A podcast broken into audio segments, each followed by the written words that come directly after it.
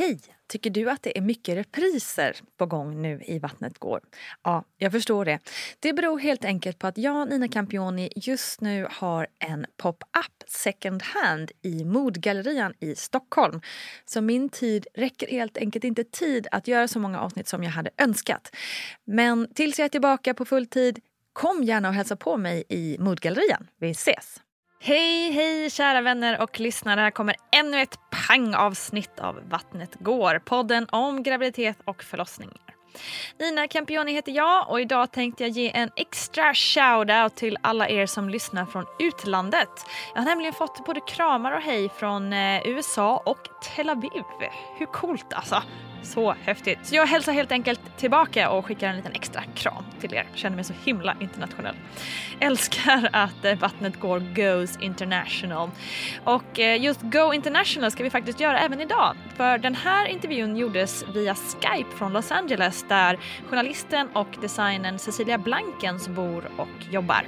Cecilia har tre barn, Bonnie, Rio och Remy. Och vi kommer under programmet såklart att prata om alla Cecilias graviditeter och förlossningar men kanske fokusera lite extra på just Remi för eh, Cecilia bodde då och eh, jobbade eh, i USA när hon var gravid och förlöste Remi och det känns ju lite extra intressant på alla möjliga olika sätt.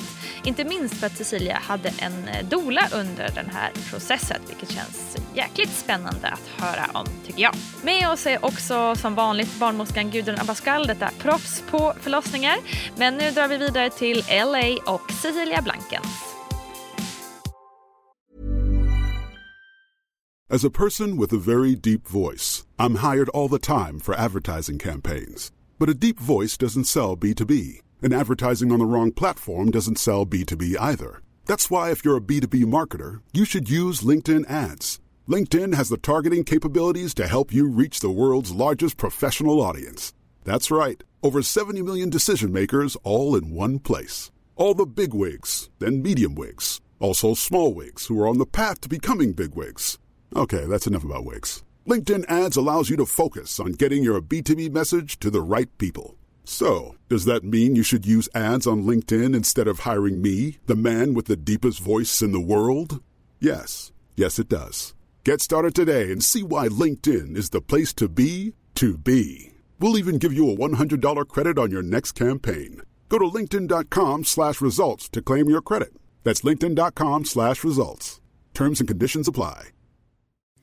Hi, I'm Kara Berry, host of Everyone's Business But Mine, and I am an all inclusive addict.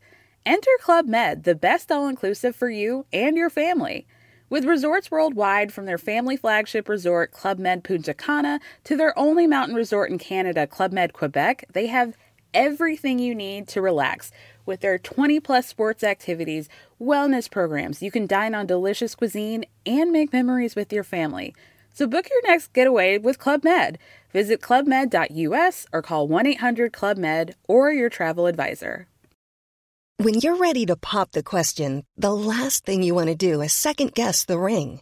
At BlueNile.com, you can design a one-of-a-kind ring with the ease and convenience of shopping online. Choose your diamond and setting. When you find the one, you'll get it delivered right to your door. Go to Bluenile.com and use promo code LISTEN to get $50 off your purchase of $500 or more. That's code LISTEN at Bluenile.com for $50 off your purchase.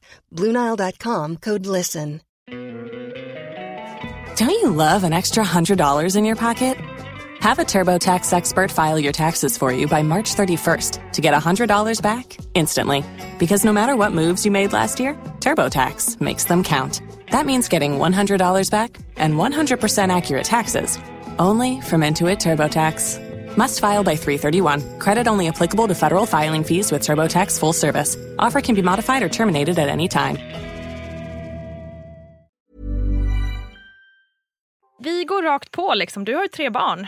Bonnie, Rio och Remy. Har du alltid mm. vetat att det skulle bli tre? Ja och nej, för jag har nog alltid sett... Jag hade en pojkvän en gång i tiden, han hade två stora systrar och eh, de hade så här dynamik, den där syskonskaran. Och på något sätt så har jag alltid gillat känslan... Jag själv har en helsyra, en halvsyra och ingifta syskon, men ser väl alla mer eller mindre som syskon. Så har själv tre, många och eh, är kanske närmast med min helsyra men, men har alltid liksom tyckt att det, vi har en så himla härlig dynamik och känsla när vi är hela gänget. Liksom, mm. På något sätt. Och jag gillar att man alltid har någon för något på något sätt. Man, det, det, är bara härligt. Så jag har nog alltid gillat bilden av liksom en större familj. Sådär. Eh, men sen efter två barn så kände man också att det var otroligt lugnt och skönt. Och det här, så här, de här sovmånaderna tackar jag för. Och sådär. För Bonnie och Rio var sex och fyra när Remi föddes. Mm. Så då hade det ändå hunnit lugna sig lite. Sådär. Så det var nog lite, det var inte liksom lusten och längtan efter en bebis som gjorde att man skaffade tre barn. Utan mer ett längre perspektiv. Än någon slags eh, liksom vision av att eh, jag får bita ihop och ta med genom småbarnsåren en gång till och sen så är det där stora härliga familjen på andra sidan. Men det är härligt med tre små barn också. Men jag, jag längtar inte ihjäl mig efter att byta blöjor precis. Jag var, jag var väldigt färdig med bebisköret. Jag förstår, men det är ändå ganska inspirerande att man liksom ändå känner att man är färdig men ändå så här ser alltså the bigger picture på något vis. Ja, precis. Jag, var, jag, kände inte att jag var färdig, färdig med barn. Men jag var otroligt... Alltså jag var så här, du vet, det var någon som hade av sig till mig. Bara, ska du inte eh, se, vara med i någon så här mammagrupp eller något sånt där? Det var något sånt där, liksom någon som hade av sig. Jag blev helt så här, men jag? Jag har ju inga bebisar. Men gud, det har jag ju. Nej, men jag känner mig så otroligt långt från...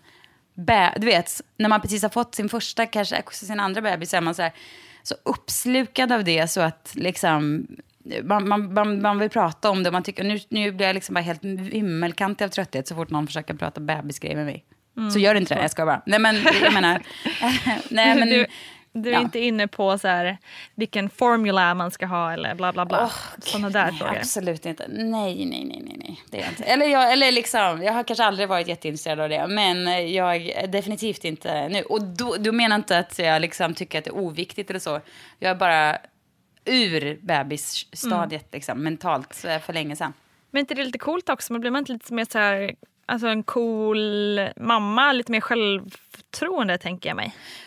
Jo, jag har konstigt nog alltid haft väldigt bra självförtroende som förälder. Jag fattar verkligen inte varför, för det borde jag kanske inte ha. Men, eh, men jag har haft det, äh, alltid. Äh, men det, absolut är man ju väldigt, väldigt äh, cool med det mesta med tredje barnet på grund av erfarenhet men också av att mm. man som sagt är inte sådär det är inte min värld. Liksom. Alltså, han är ju min värld, men bebislivet är inte eh, min värld. Så man är väldigt cool med, liksom, du vet, första barnet blir man så, ja, jag ska inte säga hysterisk och, och liksom nedvärdera de som är där, men första barnet är man väldigt intresserad av liksom, maten och man tror mm. att liksom, man får inte ta ett steg utanför liksom, barnmatsburken och liksom, någon slags BVCs liksom, rekommendationer. Tredje barnet, i alla fall för min del, har varit freebasande från dag ett och det har funkat eh, väldigt bra och varit väldigt skönt också. Jag har mm. liksom kört på. Det är liksom så, saker Man har lite bättre magkänsla kanske.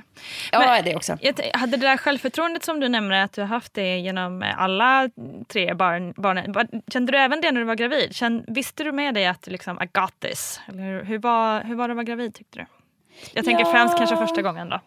Ja, jag var väldigt obekväm inför att tänka på själva förlossning och sådär. Eh, med både barn ett och barn två kände mig extremt eh, osäker kring den biten.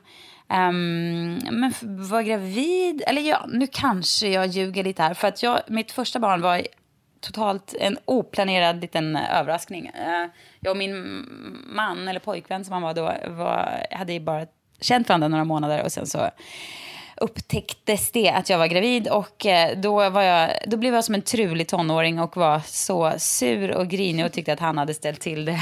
Jag vet inte varför jag la skulden på honom, det gjorde jag i alla fall.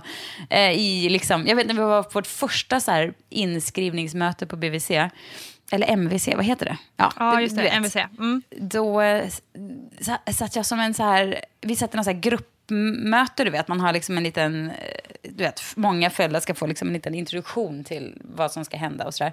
Och då satt jag som en så punk tokig 14-åring och bara vägrade liksom säga typ jag hette. Bara så tittade åt ett annat håll och var så här, uh, boring. Typ, du vet, jag, var, jag betedde mig så barnsligt. Och min man överkompenserade genom att vara så trevlig och check och hurtig och intresserad. Och var, liksom, alla bara, jag, I give them a year.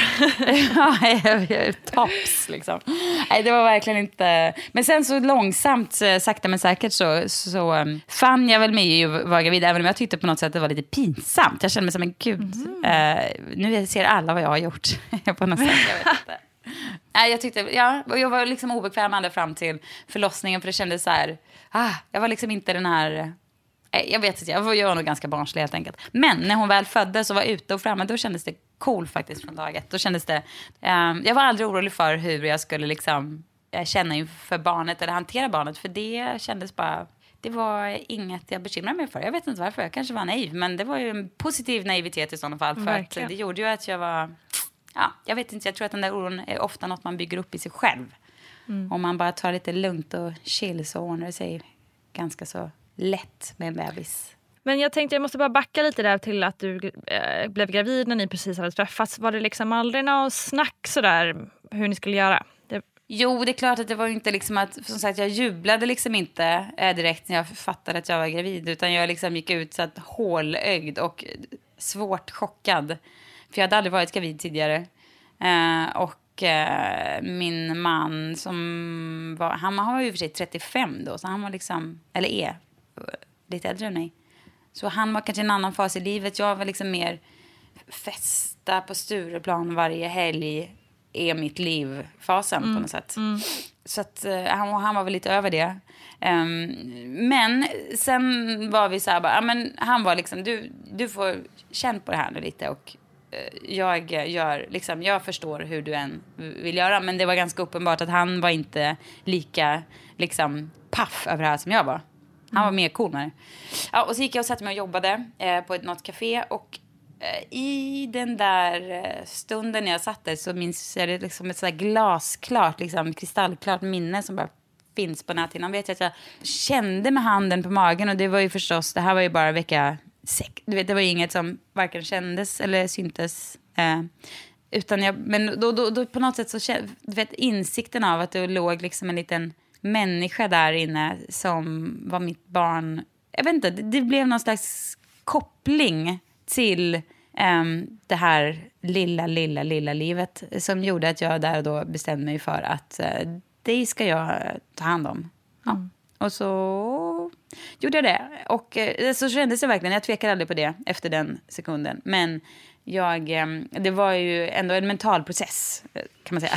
Ja. Hela graviditeten. Att liksom förstå att jag faktiskt var gravid. Är det just den mentala biten du mest minns minns mest från, eh, från första graviditeten? Eller hade du något här, eh, fysiskt också som, som du känner, kom ihåg? Sådär? Nej, jag mådde faktiskt jättebra. Har gjort alla tre gångerna. Um, andra gången, ja, jag har haft lite så här ryggkör. Men jag menar, nej, jag mådde nog nästan bäst sista gången. För allra, allra bäst sista gången. För då var mm. jag verkligen toppform. De första två gångerna var jag liksom lite otränad. Jag var inte så stark i kroppen. Och det gjorde att jag fick ont i ryggen och lite sådär. Men uh, jag hatade lasagne väldigt mycket under första graviditeten. Det var något med det där ostlagret ovanpå som jag bara inte kunde tänka på utan att få så här äckelkänsliga i kroppen. I övrigt eh, mådde jag toppenbra. Men det var som sagt en, en mental ins det var en mental eh, process. Förutom att du eh, hatar lasagne där första graviditeten, hur, hur, hur är du som gravid egentligen? Lite gnällig kanske, alltså vanlig men du vet. Eller ja, lite gnällig, lite lugnare kanske. Eh, känslig förstås. Ja, jag bestämde mig för att göra det till en, jag vet inte, till någonting positivt. Eh, och det blev det också till slut, måste jag säga. Det blev liksom ett, jag försökte använda tiden av att, eftersom jag i graviditet nummer ett var jag väldigt eh, ängslig över själva förlossningen tyckte att det kändes superjobbigt. hade så svårt att bara acceptera att jag, det skulle krävas att jag släppte kontrollen helt. Liksom. jag trivdes inte med tanken på att min kropp skulle bestämma när det var dags. Jag ville veta liksom, vilken dag ska vi åka in. Jag var liksom, och jag tyckte det kändes jobbigt det här med att någon skulle stå och så här, rota, liksom, att jag skulle vara naken och hålla på och bröla. Jag kände, jag kände mig så otroligt eh, besvärad av att behöva bli sådär djurisk. Liksom. Det var inte liksom att jag var men skräckslagen, men det var liksom någonting jag tänkte mycket på. Och det blev liksom en väldigt stor grej. Och sen när förlossningen, när det väl var dags för förlossningen så, så blev det väl kanske lite, jag kunde inte göra det så bra som jag nu i efterhand vet att jag kan på något sätt. Nu i efterhand när jag har gjort det bättre eh, så vet jag att, eh, att det, det, det, finns ju, det finns absolut ingen poäng i att försöka sköta det snyggt. Jag var liksom lite mån om, jag tyckte det var jobbigt att jag skulle liksom du vet, oh, att man skulle så här, bajsa på sig eller vad fan det nu var som skulle hända. Eller att, någon, att jag skulle ligga där i någon sån här djurisk ställning på alla fyra och föda barn. Jag ville att det skulle vara som i tv. Liksom. Man låg mm. under ett litet täcke och bara och så kom bebisen ut och så. Mm. Så någon, någonting i mig ville nog kanske göra, liksom, övervägde kejsarsnitt av, liksom, vad ska man säga, mm, jag ska inte säga liksom fåfänga skäl, men ändå lite kanske. För jag tyckte att det var jobbigt att vara så exponerad inför både min man som verkligen inte var, brydde sig, alltså, det var inget problem för honom, utan det var något jag liksom bara kände att jag ville liksom, vara lite värdig inbillade jag mig. Mm. Liksom. Jag och tror också många känner igen personalen. Det ja, det kanske är så, men jag, mm, jag, jag hade svårt att se framför mig. Jag tyckte, inte, jag tyckte bara det kändes så pinsamt att tänka sig att jag skulle liksom så här, låta och stånka och sitta i någon konstig, liksom, på alla fyra. Alltså jag gillade liksom inte, jag tyckte det kändes o, otroligt obekvämt. Men när du väl var i den situationen då, hur kunde du släppa kontrollen ändå eller kom, försökte du? Alltså man, till viss mått måste man ju släppa kontrollen, annars kommer ju ungjäveln inte ut. Liksom. Men det går ju inte att, liksom, det går ju inte att kontrollera ut en bebis, det går inte. Jo, Nej. Det, Nej. Men jag tror att jag för mycket försökte liksom... jag var så mån om att det skulle liksom bara hända. Liksom, lite sådär. Och jag hade hatat folk som, som tycker att det är så häftigt att föda barn. Jag blir så här, Åh, säg inte att det är häftigt att föda barn. Det är, det är sinnessjukt att föda barn. Men nu tycker jag ändå att efter att ha gjort det tre gånger på ganska, tre ganska, liksom, med tre ganska olika upp, erfarenheter bakom mig så Tredje gången var ju en snudd på utomjordisk upplevelse faktiskt. Och det var inte skönt eller underbart eller o, ont eller någonting. Men det var, jag var där liksom. Mm. Och det skulle jag inte vilja byta ut. Ja, vi ska verkligen gå in på det eh, sen. Och det är just det där som du säger, vara där och så. Men det är väl kanske det som är så himla svårt när man är gravid första gången och ska förbereda sig för en förlossning och man har ingen aning egentligen om vad som väntar. Det spelar liksom ingen roll hur många gånger man har här, gått på gravidmöten på MVC. Man, man vet ju liksom inte vad det är egentligen. Vad det är, nej. Men jag, jag var också då, första gången var jag eh, väl liksom i det här då att jag ville att det skulle bara liksom plupp, bli lite så här överstökat och snyggt och jag skulle ligga där rosig om kinderna och vara så här. Så var ju förstås alla former av så här bedövningar väldigt viktiga. Mm. Och eh, det förstår man ju förstås för att det låter det vill man ju gärna slippa den här smärtan man har hört talas om, som ska vara så fruktansvärd och sådär. Men eh, efter att ha gjort det utan bedövningar två gånger efter det, så för mig blev det otroligt tydligt att min kropp funkar så mycket bättre när den får jobba ostört utan liksom inslag av störande moment. eller vad man ska säga. För att den där första förlossningen, jag vet inte hur den hade gått utan bedövning, men det var absolut min sämsta. Och, eh, eller liksom sämsta, men den som gav mest eh, skada och var mest kritisk. Liksom. Mm. Testade du epidural och lustgas? Och, ja, men jag, lustgas var liksom inte, det testade jag, men det var inte riktigt min grej för att jag jag kände bara att jag blev så här, jag kunde inte foka alls. Jag blev liksom bara såsad ut i huvudet. Det kändes som att jag var så här, en dålig fylla. Liksom. Det var inte min grej alls, det funkar inte. Epidural var ju underbart när man bara, ah, det är liksom, du vet, man bara flöt iväg. Men den här epiduralen tog bara halva sidan av kroppen. Mm. Alltså bara halva, halva kroppen var bedövad, andra halvan var i full förlossning. Liksom. Ja. Och, så, så, då fick de pumpa i så fruktansvärt mycket epidural till slut för att det skulle bita i hela kroppen. Och när de hade gjort det, då var jag liksom en, ett paket som bara låg. Jag vet, jag skulle gå på toaletten och benen bara Puff, det var liksom benen blev lama liksom. Jag bara mm. ramlade ihop där mitt i förlossningen på golvet. Ja, du vet. Och sen så kunde jag liksom inte, jag kände ingenting. Jag hade ingen kontakt med liksom någonting från hakan och neråt. Och när jag skulle försöka liksom vara, göra någonting så var det som att jag, jag kunde, det gick liksom inte. Och när jag skulle krysta så hade jag liksom ingen kontakt med kroppen för att kunna göra det. Och eh, ja, till slut så, du vet, hjärtslagen på bebisen blev sådär fel och det blev liksom, de fick ringa in på lä läkaren och nu ska det, det var liksom på vippen att det skulle bli en sån här, du vet, akut mm. snitthistoria. Men de lyckades få ut den med, kejs, med vad heter det? kejsarklockan. Nej, vad heter det? Se, nej, vad fan heter Sugklocka. det? Sugklocka. ja. ja. Och, eh, så, så hon kom ut en, eh, så till slut. Då. Mm. Men det var ju liksom på vippen. Det var ju liksom, okej, okay, vi testar det här en gång och ser om det funkar. Annars så skulle det liksom bli akut snitt. Men eh, eh hon kom ut, så att, eh, mm. det gick. Och det var ju bra. Men det var Men också en jävla lång resa dit. Hur var det då? Blev, blev du, hann du bli rädd eller och, och sådär? Nej, det, jag tror inte jag, det hade jag nog blivit om jag visste men, eh, vad det var. Men det, mm. det, jag var bara så här, åh skönt, nu, nu, ska, nu kommer hon ut ungen. För det var, jag hade legat liksom i tio timmar och bara kämpat och tagit i och kämpat och tagit i utan att, alltså jag, utan att det blev några vidare resultat för att jag liksom felkopplade hela kroppen. Jag kunde liksom inte snacka med min kropp. Så att den mm. bara så funkade epidural på mig. Jag kanske hade otur den gången, jag vet inte. Men jag har liksom inte... Jag, så, ble, så blev det i min kropp. Den, mm. Och jag kan tycka också lite så här, om jag ska nu liksom passa på att framföra någon slags, så här, någon slags sak som man kanske ska tänka på om man föder barn första gången, så tror man att så här, epidural tar man och sen är allt lugnt. Mm. Men så är det inte. Epidural är inte liksom bara en lösning och sen får man sin lilla bebis. Och sen, det är inga garantier för någonting och det finns andra effekter som, som kan vara värt att liksom fundera över. Om man, om liksom, jag fattar verkligen, jag tycker absolut man ska ta det om man känner sig trygg med det och så. Men man kanske inte ska jag, tro, jag för min del trodde nog att nu kommer epiduralen, sen kommer bebisen och mm. jag kommer inte behöva, inte ha känt någonting. Och det, så är det liksom inte. Det, Nej, finns, det, det är inte liksom en... Det är bra att du säger det faktiskt. För det, det, så upplevde jag också det eh, innan jag skulle föda. Att epiduralen var någon slags eh, räddning och liksom botemedel för allt på något vis. Ja, ja. Eh, och det behöver det ju absolut inte vara. Det finns ju de som har absolut fått toppen hjälp från det. Men det kan ju vara superbra att bara ha det i bakhuvudet att det behöver inte betyda att allting bara är så här swoosh så blir det Nej. en Hollywood-födelse. Liksom. Du fick i alla fall dig att eh, inte vilja ha det vid din andra förlossning då? Nej, faktiskt inte. så var det inte. För att jag eh, tror inte riktigt jag eh, kopplade, liksom. Ah. Jag hade ju bara en förlossning att gå på. Mm. Och, och tänkte att, ja ja, ungen, ungen kom ju ut och hon var frisk och så, så jag tänkte väl att det är väl så det ska vara, liksom, även om mm. det tog väldigt lång tid. Och, ja, allt sådär. Så jag hade nog tänkt att jag skulle ta förlossning, eller ta förlossning, ta epidural den gången också för att det var ju liksom, jag hade liksom inget att jämföra med. Vad hände då då?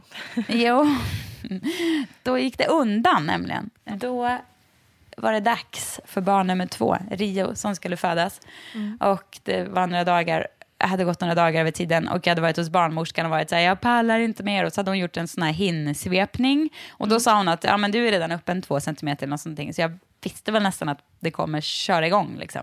Och mycket riktigt eh, gjorde det på kvällen. Och eh, det var liksom från noll till hundra knyck på 20 minuter.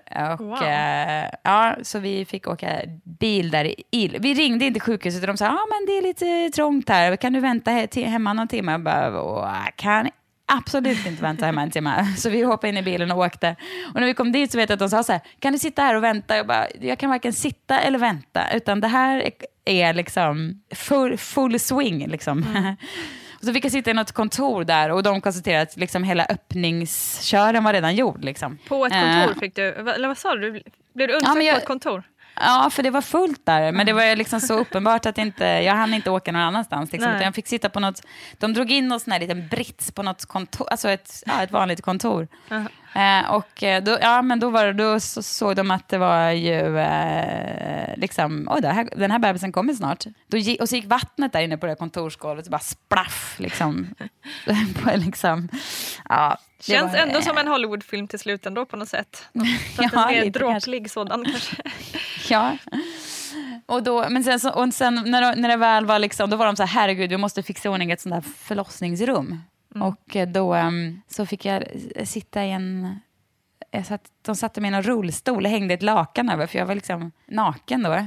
Men eh, de, och sen så häng, liksom, det gick väl liksom inte att ta på mig några kläder och det gick absolut inte att få några bedövningar. Jag vet att jag så gapade och skrek, men jag kan väl inte föda barn utan bedövning. Och då, samtidigt kunde jag liksom inte ligga still för att de skulle ge den där sprutan, för det var liksom, det var, det var liksom full on. Det var Ja. ingen rast och ingen ro. Så då fick jag, de sprang med mig i den här rullstolen med lakanet på som ett så här spöke, liksom, ett gastande spöke. Jag sprang genom sjukhuskorridoren till något rum som äntligen blev led, ledigt. Och då var det bara dags att föda. Liksom.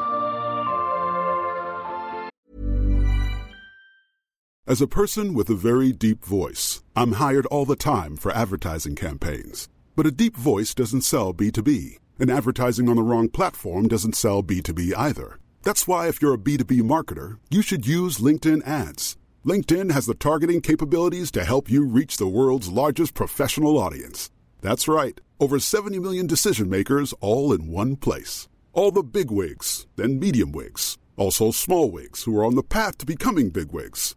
Okay, that's enough about wigs. LinkedIn ads allows you to focus on getting your B2B message to the right people. So, does that mean you should use ads on LinkedIn instead of hiring me, the man with the deepest voice in the world? Yes. Yes, it does. Get started today and see why LinkedIn is the place to be to be. We'll even give you a $100 credit on your next campaign. Go to linkedin.com slash results to claim your credit. That's linkedin.com slash results. Terms and conditions apply. Hey everyone, I've been on the go recently Phoenix, Kansas City, Chicago. If you're like me and have a home but aren't always at home, you have an Airbnb. Hosting your home or a spare room is a very practical side hustle. If you live in a big game town, you can Airbnb your place for fans to stay in. Your home might be worth more than you think. Find out how much at airbnb.com/slash host. Hi, I'm Kara Berry, host of Everyone's Business But Mine, and I am an all inclusive addict. Enter Club Med, the best all inclusive for you and your family. With resorts worldwide, from their family flagship resort, Club Med Punta Cana, to their only mountain resort in Canada, Club Med Quebec, they have everything you need to relax. With their 20 plus sports activities, wellness programs, you can dine on delicious cuisine and make memories with your family. So book your next getaway with Club Med. Visit clubmed.us or call 1 800 Club Med or your travel advisor. Join us today during the Jeep Celebration event. Right now, get 20% below MSRP for an average of 15178 under MSRP on the purchase of a 2023 Jeep Grand Cherokee Overland 4xE or Summit 4xE. Not compatible with lease offers or with any other consumer incentive offers. 15,178 average based on 20% below average MSRP from all 2023 Grand Cherokee Overland 4xE and Summit 4xE models in dealer stock. Residency restrictions apply. Take retail delivery from dealer stock by 4 1. Jeep is a registered trademark. Spin your passion into a business with Shopify and break sales records with the world's best converting checkout. Let's hear that one more time. The world's best converting checkout. Shopify's legendary checkout makes it easier for customers to shop on your website, across social media, and everywhere in between. Now that's music to your ears. Any way you spin it, you can be a smash hit with Shopify. Start your dollar a month trial today at shopify.com slash records. Och gick det lika snabbt med, med krystverkarna och få Ja, Rio? det gjorde, ja, jag var lite rädd. Jag hade liksom brutit svanskotan jag första gången också. Det var ju det som var lite Jaha, oj, eh, det missade jobbigt. vi. Just det. Ja, Wow. men det, just det, det glömde jag. Shit, när hände det då? till- Eh, Det var där mitt i den här långa, sega, när jag inte riktigt kände kroppen, eh, köret någonstans som det liksom smällde till och sen Oj. kunde jag liksom inte sitta vet du, på ett halvår. Hur kunde jag glömma det? Det är konstigt vad man förtränger saker, men ja, så var det i alla fall. Gud, men var det, alltså, var, det var, det i samband med att man använde surklockan också eller, eller var det innan? Kanske inte minns. Ja, ja nej jag minns faktiskt inte. Någonstans i den där, ja, Ja. när var hon det skulle ut de hade jag. varnat sen tänker jag när du blir gravid andra gången? Att de liksom, var det något de så här, hade i åtanke kring när du skulle gå in i den förlossningen? Att man skulle vara beredd på något särskilt eller ja, du vet. Jag hade, jag hade skrivit det i mina såna här eh, papper, liksom, att det här hade hänt och sådär. Men och sköterskorna var väldigt bra och liksom höll emot mot min svanskota på något sätt. De tryckte liksom mot med så här, massa varma handdukar. Jag vet inte om, om det gjorde någon skillnad, men för mig i mitt huvud kändes det liksom tryggt att någon hade koll på den där svanskotan ja. hela tiden. Såklart. Och eh, det, gick, det var faktiskt inget ja, som hände, utan nej, men hon, och sen var det liksom bara att uh, köra ut uh, ungen. Uh, och det gick ju, jag satt på en liten sån här träd, vet som en liten toalettstol av trä. Alltså mm. inte, det var ingen toalett då, utan bara själva ringen. Så yes. Och min man satt bakom och sen så bara vi liksom... Äh, det var faktiskt fantastiskt bra, för han satt bakom och man kunde höra honom så här kärleksfullt liksom finnas där i örat. Du vet när män som försöker prata och grejer i förlossningar, dålig idé. Men att han fanns där liksom, var jätteskönt och det räckte på något sätt. Mm. Så, och då kom hon liksom ut, jag kunde ta upp henne på en gång och jag hade liksom inte haft några bedövningar alls och det hela gick så mycket snabbare och så mycket... Det är klart att det kändes mer, men det var ju, skulle jag gjort om någon av dem, vilket jag ju också då gjorde en tredje gång, så var det mm. absolut eh, variant nummer två. För att den, den var snabbare och den var mycket liksom... Jag gillade att kunna ha liksom kontroll på något sätt över vad som hände, som man ju har mer när man kan röra på sig till exempel. Mm. Du känner kroppen mer liksom. Ja, precis. Mm. Ja, eh, vana lyssnare av den här podden kanske reagerar på att vi gått igenom första och andra eh, förlossningen eh, lite snabbare kanske än vad vi nu ska göra med nummer tre. Men det är också för att det är lite extra speciellt. Jo, eftersom Cecilia då flyttat till Los Angeles och därmed fött Remy som snart är två år i USA. Mm. Bara en sån sak. Och dessutom med dola, eller hur? Precis, eller det var inte hon som liksom förlöste honom, men hon fanns med. Fanns med, äh, exakt. Det ska ja. bli superspännande. Så jag tänker att vi, vi, vi måste ju kasta oss in i det här. Um, först och främst tycker jag vi börjar med liksom hela den här grejen att vara gravid i ett land som kanske inte är ens eget och man är kanske inte van vid uh, dels det här med att man har samma nu får du hjälpa mig med alla uttryck och sånt. Men man mm. har ju mm. samma gynläkare som, eller hur, som är med ja. hela vägen i mål så att säga. Ja, och, och man har en läkare och... framförallt, eh, inte barnmorska, är också en stor, eh, ja. stor skillnad. Just det. Hur, eh, men vi, vi börjar från början. Du, ni till slut i alla fall kom fram, emot, eh, kom fram till att ni skulle ha ett tredje barn. Eh, ja, eller det gjorde vi väl i och för sig knappt. Men, Okej, berätta. Men, berätta. ja. Nej, men vi hade väl pratat om det och tjong hade det hänt. Liksom, på något tjong sätt. låter ändå härligt. Ja, men det var ju, oh, jo, precis, men det är så orättvist eh, hur eh, enkelt det där har gått faktiskt. Men det var, du vet, man det var, det var så jag var nästan lika chockad tredje gången som jag var första gången. För att jag var, mm. nej men vänta, vi hade inte pratat färdigt. Det här var inte alls riktigt vad jag... Det här vill jag nog inte trots allt. Jag ångrar mig. Ja, så kändes det. Väldigt länge. Men sen, ja, sen fick jag ett eh, brev från, jag hade en barnmorska först. Då fick jag ett mail från henne när jag var i Sverige. Och då var jag kanske gravid i tionde veckan eller någonting, tolfte veckan. Och så stod det så här, it's a boy i ämnesraden. Och då kände jag att åh, det här är ju en riktig människa, inte bara ett så här jobbigt paket. Liksom. Så då kändes det, då kunde jag, kändes det, då accepterade jag och var, började känna mig spirande glad för att vi faktiskt hade till slut, eh, att det till slut blev sådär ändå. Mm. Ja. Vad härligt. Och hur var, alltså hur var det att vara i Los Angeles och vara gravid kontra att vara i Sverige? kanske inte är så stor skillnad som man föreställer sig. Ah, men vet du, jag kan tycka att det var... Det, det finns ändå någon slags... Jag kan säga lite så här... Alltså när man är gravid så gillar man ju att få känna sig liksom lite duktig i det. Eller jag vet inte, man, vill ju ändå, det känns, man blir ju väldigt glad när någon liksom uppmärksammar. Så här, för man går där och stretar på och ens man och familj, ingen verkar bry sig om att man liksom går och mm. bygger ett litet barn och ingen verkar fatta liksom, hur jobbigt det är att sova på nätterna och ingen verkar fatta liksom, hur tråkigt det är att inte få dricka vin. Eller, eller vet, så här. Men mm. jag måste ändå säga att jag tycker att här är folk väldigt så här, fina i att uppskatta liksom, att man är gravid. Och det kanske inte alla gillar, men jag, jag tycker att det kändes så bra. Det finns att folk bara i mataffären bara kommenterar åh vilken fin mage och när är det dags och vad otroligt och har du redan två barn? Och, åh, hur känns det här? Liksom är intresserade bara. Liksom, Oj, vad du är duktig, som, vad du klarar som kämpar på här och går och handlar och ska ta påsarna åt dig. Och ska, du vet, mm. Det bara finns en annan så här... Det finns en otrolig liksom...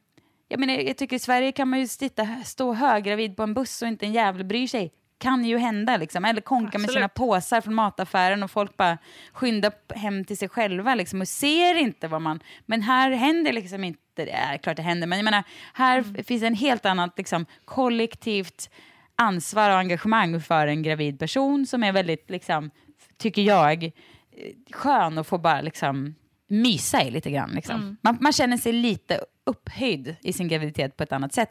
Vissa kanske skulle bli superprovocerade av det, men för mig så kändes det ändå liksom... Jag, jag är ju en ot, sinnessjukt otrolig grej att vara gravid och göra ett barn. Liksom. Och jag, jag kan ändå uppskatta alltså, att, att bli erkänd i det. I Ja, det lilla. gud, alltså jag på något sätt. vet inte hur många gånger som jag har blivit helt tok förbannad när man är på tunnelbanan och inte en jävel tittar upp eller liksom skulle erbjuda sin plats till en så här, nio månaders Nej. gravid kvinna.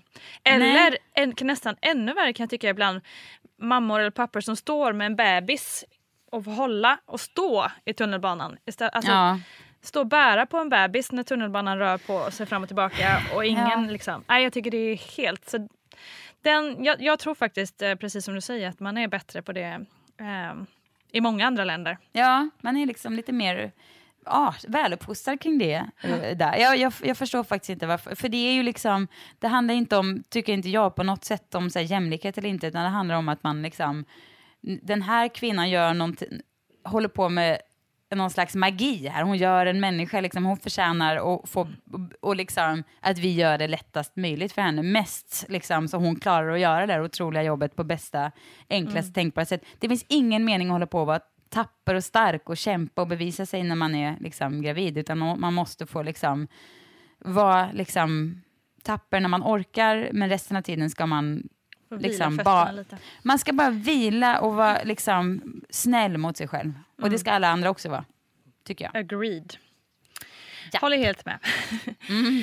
och sen är det väl lite sådär också, om jag inte har förstått fel, att man eh, får gå på hur många besök och ultraljud och allt möjligt som man vill i USA. Eller hur är det med det där? Ja, det, det kostar väl, tror Ja, det jag. Eller liksom, ja, Ja. precis. Men, och det här är också lite... Ja, sen kan det är liksom en snårskog, am- amerikanska liksom, sjukvårds... eh, Situationen är obegriplig. Liksom. Det beror lite på vad liksom, försäkringar hit och dit, eller om man inte har försäkringar, olika Obamacare. Jag fattar inte. Jag hade en försäkring, jag gjorde det lätt för mig att betala för en försäkring och på det viset har man liksom otrolig vård. Det har ju inte alla råd med den här försäkringen, men, men nu hade vi det och då blev det liksom och det är ingen som liksom tycker att man är sjåpig för att man vill ha ett extra ultraljud eller för att man vill ha en extra kod. Absolut inte. Det, det är liksom verkligen... Det är ingen som är så här, ah, kämpa på. Det, Nej, det finns inte, utan det finns liksom tid. Eh, jag ska inte säga tid, för det går snabbt de här läkarmötena. Det är liksom, men det, man blir lyssnad på och eh, man, man blir Mm. Man tagen på allvar. I, ja, man Men har rätt till dem. Kände du att du utnyttjade den, eh, det också? Eller, kände, eller var du mer svensk, att så här, inte ska väl jag?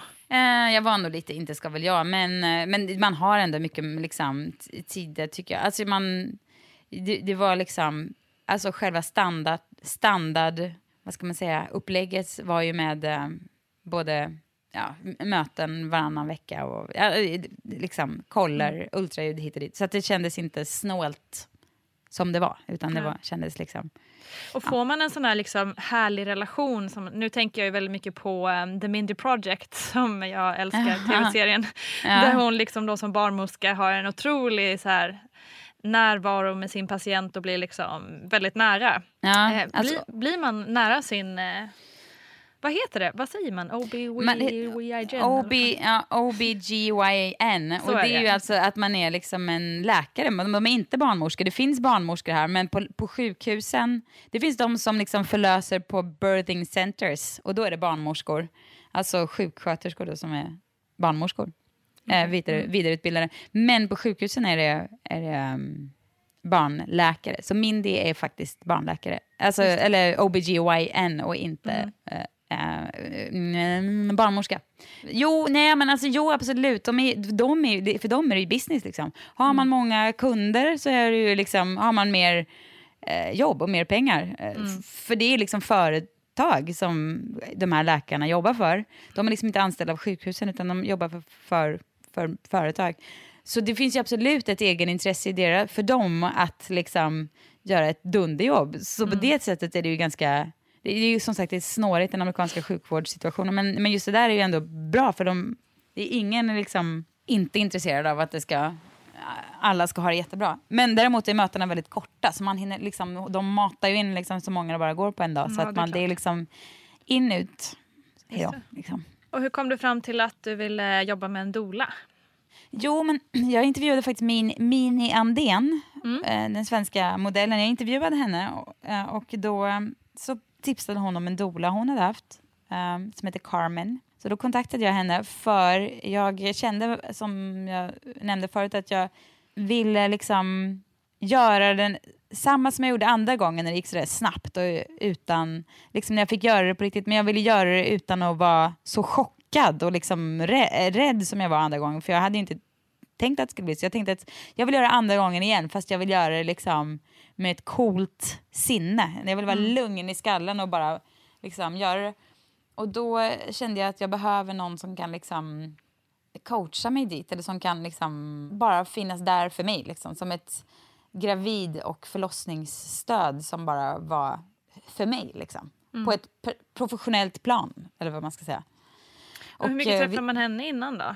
Eh, vi sågs kanske, och vi sågs nog två, tre gånger och då pratade vi, hon, ägnade väldigt mycket tid åt de andra barnen faktiskt och pratade om mm, när mamma ska åka in till sjukhuset och bebisen kommer, hur kan det kännas och sådär. Hon pratade väldigt mycket om, eller hon pratade inget om liksom smärta eller så, utan, och hon sa någonting som jag verkligen uppskattar och tänkte på att hon det var så viktigt för henne att se till att det här blev nå- till någonting positivt. För mina döttrar ska ju kanske också föda barn någon gång.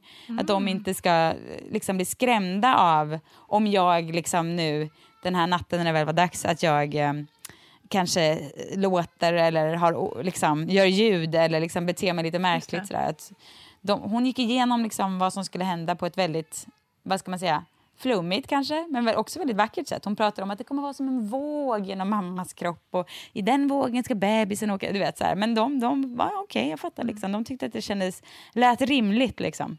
Och ehm, som sagt, und- höll sig borta från alla ord, liksom läskiga ord som smärta och blod och sånt där, utan bara beskrev vilken styrkan i den här processen på något sätt. Och sen så fick jag, här gjorde hon otrolig gravidmassage också. Och det kan jag nästan börja gråta när jag tänker på ibland. Hon kom hem till mig ibland med små liksom, rökelser och oljor och sådana här, så här, ja, flummiga grejer helt enkelt.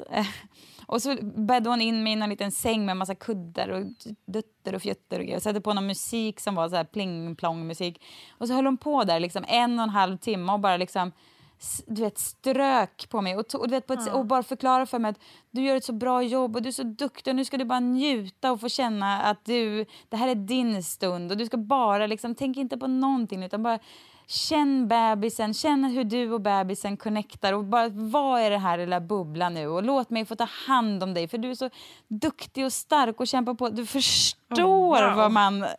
ja, men du, du förstår vad man liksom bara, vad man kan Gud. liksom, vad det är typ det enda man behöver i en Ja. liksom, sådär på slutet. Man bara ja, jag är duktig, jag är stark, jag är tapper. Jag, bara att någon förstår, att någon liksom ger en cred för det. Det var otroligt alltså. Så Ja, det förstår jag stärkande. verkligen. Gud, det skulle så- alla ha. Ja, det skulle som. verkligen alla ha. Det skulle alla ha alltså. För det var, jag menar, ingen man kan förstå eller sätta sig in i det behovet. Ingen kan förstå hur mycket man bara vill vara så här, men jag, är- jag vill faktiskt, liksom, du vet hur man känner när man bara är så här, ah, varför är det ingen som förstår vad jag kämpar på? Ni bara tycker att jag ska stå här och laga mat och handla och göra allt som vanligt, jobba och slita, men jag, liksom. Ja, och också det där som den. du var inne på lite snabbt, så här, att man ska vara så himla tapper hela tiden. man bara, äh, det- jag klarar mig, det är ingen Ja. fara, jag kan bära mina kassar, det är lugnt. Liksom. Ja, men det är... Och det gör man ju kanske, men det är där em- emellanåt så kanske man behöver få, få det där som jag fick uppleva. Det var, det var verkligen balsam för själen alltså, och kroppen. Och sen efteråt så kom hon med en sån här en kokosnöt, en liksom riktig kokosnöt och satte ner ett sugrör i och så sätt dig här nu och bara drick din lilla kokos. Du vet, så flummigt men härligt. Han blev så ompysslad Vilket som han var ett litet fantastiskt barn. minne att ha ändå. Ja, mm, verkligen. Men då var liksom hon också då så här on call för att det skulle sätta igång. Så då hade du liksom både läkaren och dolan då? Eller hur funkar det? Ja, jo, precis. Så var det. Och ehm, hon fanns också tillgänglig om liksom, det hade börjat smyga sig på i hemmet. Men, men vattnet gick och då var det liksom verkar i 190 på en gång. Så att vi sågs på Okej. sjukhuset. Och hon Och hur- kom dit och, då. Ja. Förlåt. Och läkaren också. Och hur, men hur, och hur funkar det med sjukhus där? Har man, har man bestämt det på förhand eller är det samma som här att man ringer och kollar eller hur funkar det? Nej, den här läkaren man då har valt som sin läkare hör till ett visst Ah, sjukhus. Just det. Så då å- åker man, eh, ja, så det vet man innan. Det vet man vad som Mm. gäller liksom. Så hon får ju också stå, det här var ju mitt i natten, hon fick ju också pallra sig upp mitt i natten och åka dit. Så det vi måste sågs där kännas liksom. så himla tryggt på något vis att bara veta exakt vilka det är som kommer vara i ens Otroligt. team. Otroligt tryggt att veta det. Och också otroligt tryggt att veta att hade någonting gått käpprätt, liksom, eller du vet sådär, då var hon läkare, då var hon den som skulle liksom göra snittet på mig. Eller liksom, du vet, hon är en läkare som fanns där vid min sida hela tiden och jag skulle inte behöva liksom fundera på om jag ska behöva vänta på någon läkare som eventuellt var på någon annan. Utan det var liksom, jag hade min läkare som var där med mig liksom, Beredd under hela allt, förlossningen. liksom. Ja, un, ja, beredd på allt. Det, och det var ju fantastiskt. Men nu gick det väldigt snabbt. Jag tror jag hade haft en längre förlossning hade hon inte, hon hade inte suttit med mig där i 24 timmar läkaren. Utan Nej, hon, hon kom in när det är skarpt läge. Så finns det barnmorskor och sådär på sjukhuset som liksom och sköterskor och sådär, som sköter processen fram tills det är skarpt läge. Och då ringer de in läkaren. Men i det här fallet så var det liksom inget att vänta på utan hon kom ganska så omgående dit. Så var det samma liksom, procedure lite som när det var eh, för Rio, andra födelsen, förlossningen menar jag. Ja, i, eh, i kroppen menar du? Ja precis, och att det gick så där snabbt och så. Ja, det var lite lugnare den här gången. Men det gick absolut eh, framskred i ett väldigt bra... Inte hysteria, det, det var liksom inte rush, utan det var bara... Det gick, jag tror att vi, från att vi kom in till sjukhuset tills han var ute så gick det väl kanske två timmar kanske eller något sånt där.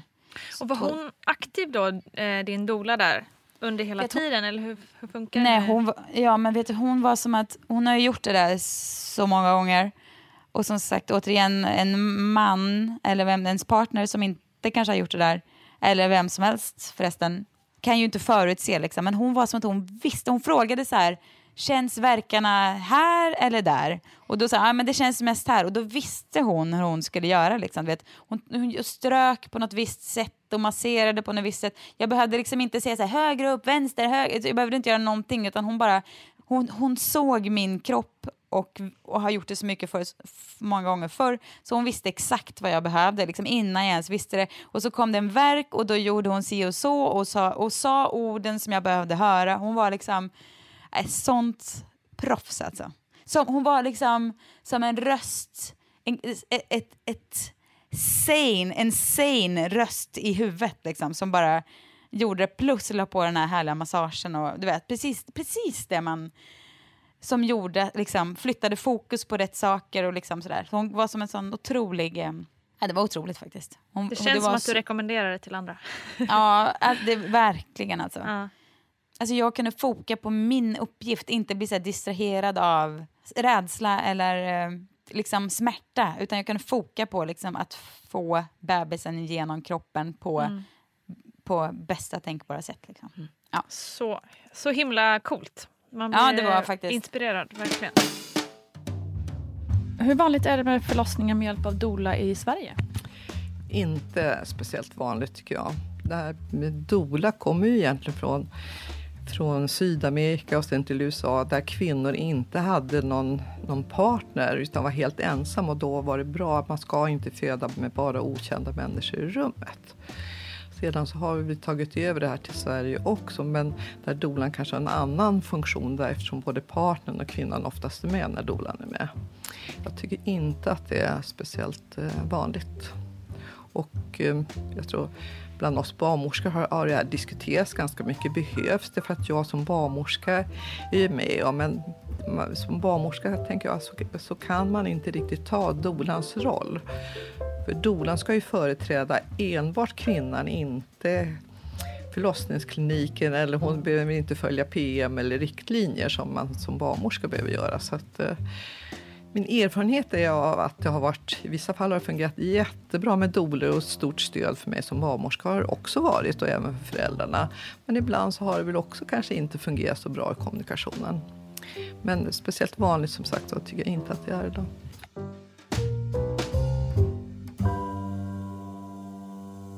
Det man i alla fall har som fördom mot, mot eller för USA, det beror väl på hur man ser på det. Men just det här med kejsarsnitt känns, eller, känns ju som att det är vanligare i USA. Ja, Var det precis. någonting som du kände att de ville pr- pracka på dig på något sätt? Eller hur, hur upplevde Nej, jag, jag tror att det är många läkare, är, amerikanska läkare, är dunderpigga på det. För att det är liksom säkrare för dem ur ett eh, försäkringsperspektiv. Som sagt, det är business, business det där med att föda barn i USA.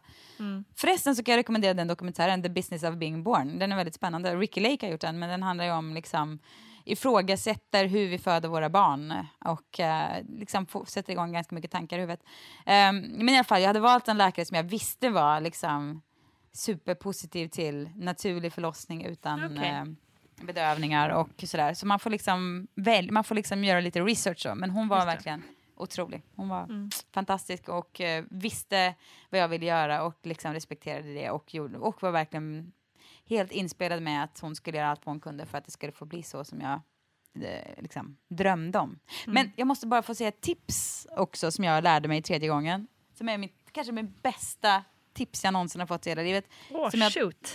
Ja, eh, jag läste en bok som heter Att föda utan rädsla. För det var också skillnaden tredje gången. Jag läste på som 17, jag laddade mentalt, jag var liksom, jag var så förberedd. Alltså mentalt, fysiskt, på alla tänkbara sätt, vilket jag inte var varken gång ett eller två. Ehm, och eh, den här Föda utan rädsla tycker jag var en jätte, jättebra bok som verkligen ehm, ja, det var toppenbra. Och ett tips där var så att man ska göra dova ljud. Att Man ska liksom inte så här, spä- spänna magen och liksom låta rösten gå upp sådär för då blir kroppen spänd och liksom jobbar inte åt rätt håll. Men om man istället så här slappnar av, när man får en värk man slappnar av, man är tung i kroppen, ligger som en liksom du vet, som man tänker sig en kossa som ligger i en hage och föder. Typ. Så ska man liksom bara ligga helt så här. Och så ska man låta liksom... Du förstår att det här var jag eh, absolut inte hade kunnat tänka mig att göra första gången. Tredje gången däremot så hade jag inga, inga spärrar. Så jag gick loss och liksom istället för att, jag fokade verkligen på att inte spänna mig och låta, "Ah", utan liksom slappna av, bli tung och göra ljud som är liksom dova och låga. Jag ger ett exempel. Ja. Så här ungefär. alltså, men jag lovar att skillnaden är sinnessjuk. Alltså. Dels i den mentala biten. Att man liksom, är kroppen tung, avslappnad och lugn så får man liksom inte panik eller skruvar upp sig på samma sätt. Spänner inte sig. Nej. Nej, spänner sig inte. Och det gör också att kroppen, liksom, bebisen, kroppen kan foka på det den håller på med istället för att bli motarbetade av skräcken. Liksom. Och det här med skräcken tror jag också är någonting som vi är så jävla onödigt fokuserade på att liksom berätta för varandra hur farligt det är hur läskigt det är och ont det gör och så. Att det, det är ändå liksom någonting som vi behöver göra för att föda våra barn och jag tycker inte vi, grundinställningen behöver inte vara att det är någonting fruktansvärt utan att det är någonting kraftfullt och och kan, ja, läskigt och liksom stort och så. Men, men vi behöver liksom inte vi behöver liksom inte lägga så jävla mycket energi på att skrämma ihjäl varandra, tycker jag. Och berätta hur ont det gör. Utan mer- Väldigt, väldigt sant. Och det är väl Mm. mycket av den anledningen som, att, som jag kände att den här podden kunde behövas. Ja. Just för att eh, alla, alla har olika upplevelser men, eh, men tillsammans så är det ändå väldigt positiva upplevelser Ja. i slutändan. Ja. Ja, verkligen skitbra. Äh, Det här tyckte jag lät, var så himla spännande med, med Dola och allting. Ja. Um, vi ska börja avsluta för jag vet att du måste eh, röra på dig eh, strax. Jag måste bara fråga, var det några kändisar på det där sjukhuset eller? Jag vet inte faktiskt, men jag har hört att de, de alltså det är ju det, The Cedar Sinai är ju liksom där, Precis, det var det jag Äh. misstänkte. ja, det är där liksom var, varenda Hollywoodkändis föder sina barn. Men det är ju liksom bara ett vanligt sjukhus. Men jag har hört att de har liksom sviter för kändisarna. ja, Och jag tror att de också liksom stänger av, att deras rum är lite mer så blockade. Men jag, Ja, så jag vet inte. Ja, Nej, jag, bara, du vet en sån där Kanske. fråga, man bara, jag måste fråga, jag måste ställa den. ja. Kanske var hon där samtidigt som Kim Ye, who knows. ja Nej då. kanske. Sen har vi också en fråga som jag ställer till alla innan vi eh, stänger av. Mm. Eh, vad skulle du vilja säga till eh, en tjej eller kvinna som är på väg in eh, till sin första förlossning? Att du kommer få panik någon gång under upplevelsen för att eh, det är liksom naturligt och helt ofrånkomligt. Eh, för det är liksom mäktiga krafter som tar tag i kroppen. Men eh, rikta fokus mot eh, inåt mot dig själv och var inte rädd för vad, hur någon annan ska uppfatta dig utan foka bara på att du själv ska liksom vara cool i det du gör. Liksom. Och eh, glöm inte av att vara tung i kroppen och eh, bröla som ett eh, djur. För det, det är fantastiskt. Den tredje gången, du vet, jag, jag, jag, jag var liksom oförskämt intakt och pigg och allting. Och jag känner verkligen att jag så här, I nailed it liksom. Jag, det, det gick så bra. Och jag tror att det hade mycket med att göra att jag mentalt arbete och um, att jag liksom inte viftade bort det utan bara bestämde mig för att nu ska jag försöka vara, nu ska jag liksom göra det här på ett, göra mitt bästa för att göra det på ett sansat sätt. Sen hade jag absolut ingen prestige i om det hade gått åt helvete för att jag menar, ibland funkar, ibland funkar inte. Nu hade jag tur, men jag tror att det, det gjorde stor skillnad att jag var lite påläst. Mm. Så, så jäkla bra eh, sätt att eh, avsluta ett program på, att man är så nöjd att man känner att man nailed it. Ja. Det tycker jag alla ska ta med sig där ute. Ja. Superbra råd. Tack så hemskt mycket för att du ville vara med. Tack själv. Tusen tack Cecilia Blankens för din inspirerande och intressanta historia eh, och att du ville dela med den till oss. Tack också till alla er lyssnare som lyssnar världen över. Hörni, häng med på Instagram, kommentera och prata med mig där. Det är så himla roligt att höra vad ni tycker. Kram på er så hörs vi snart. Producerat av Perfect Day Media.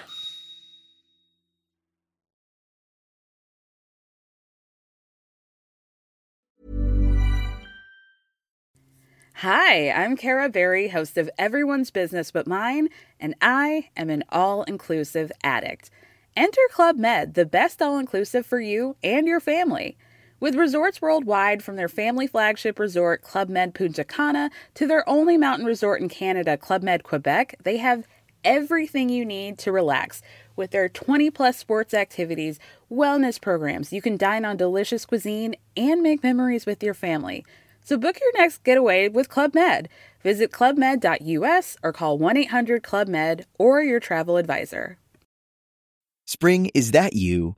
Warmer temps mean new Allbirds styles. Meet the Superlight Collection, the lightest ever shoes from Allbirds, now in fresh colors.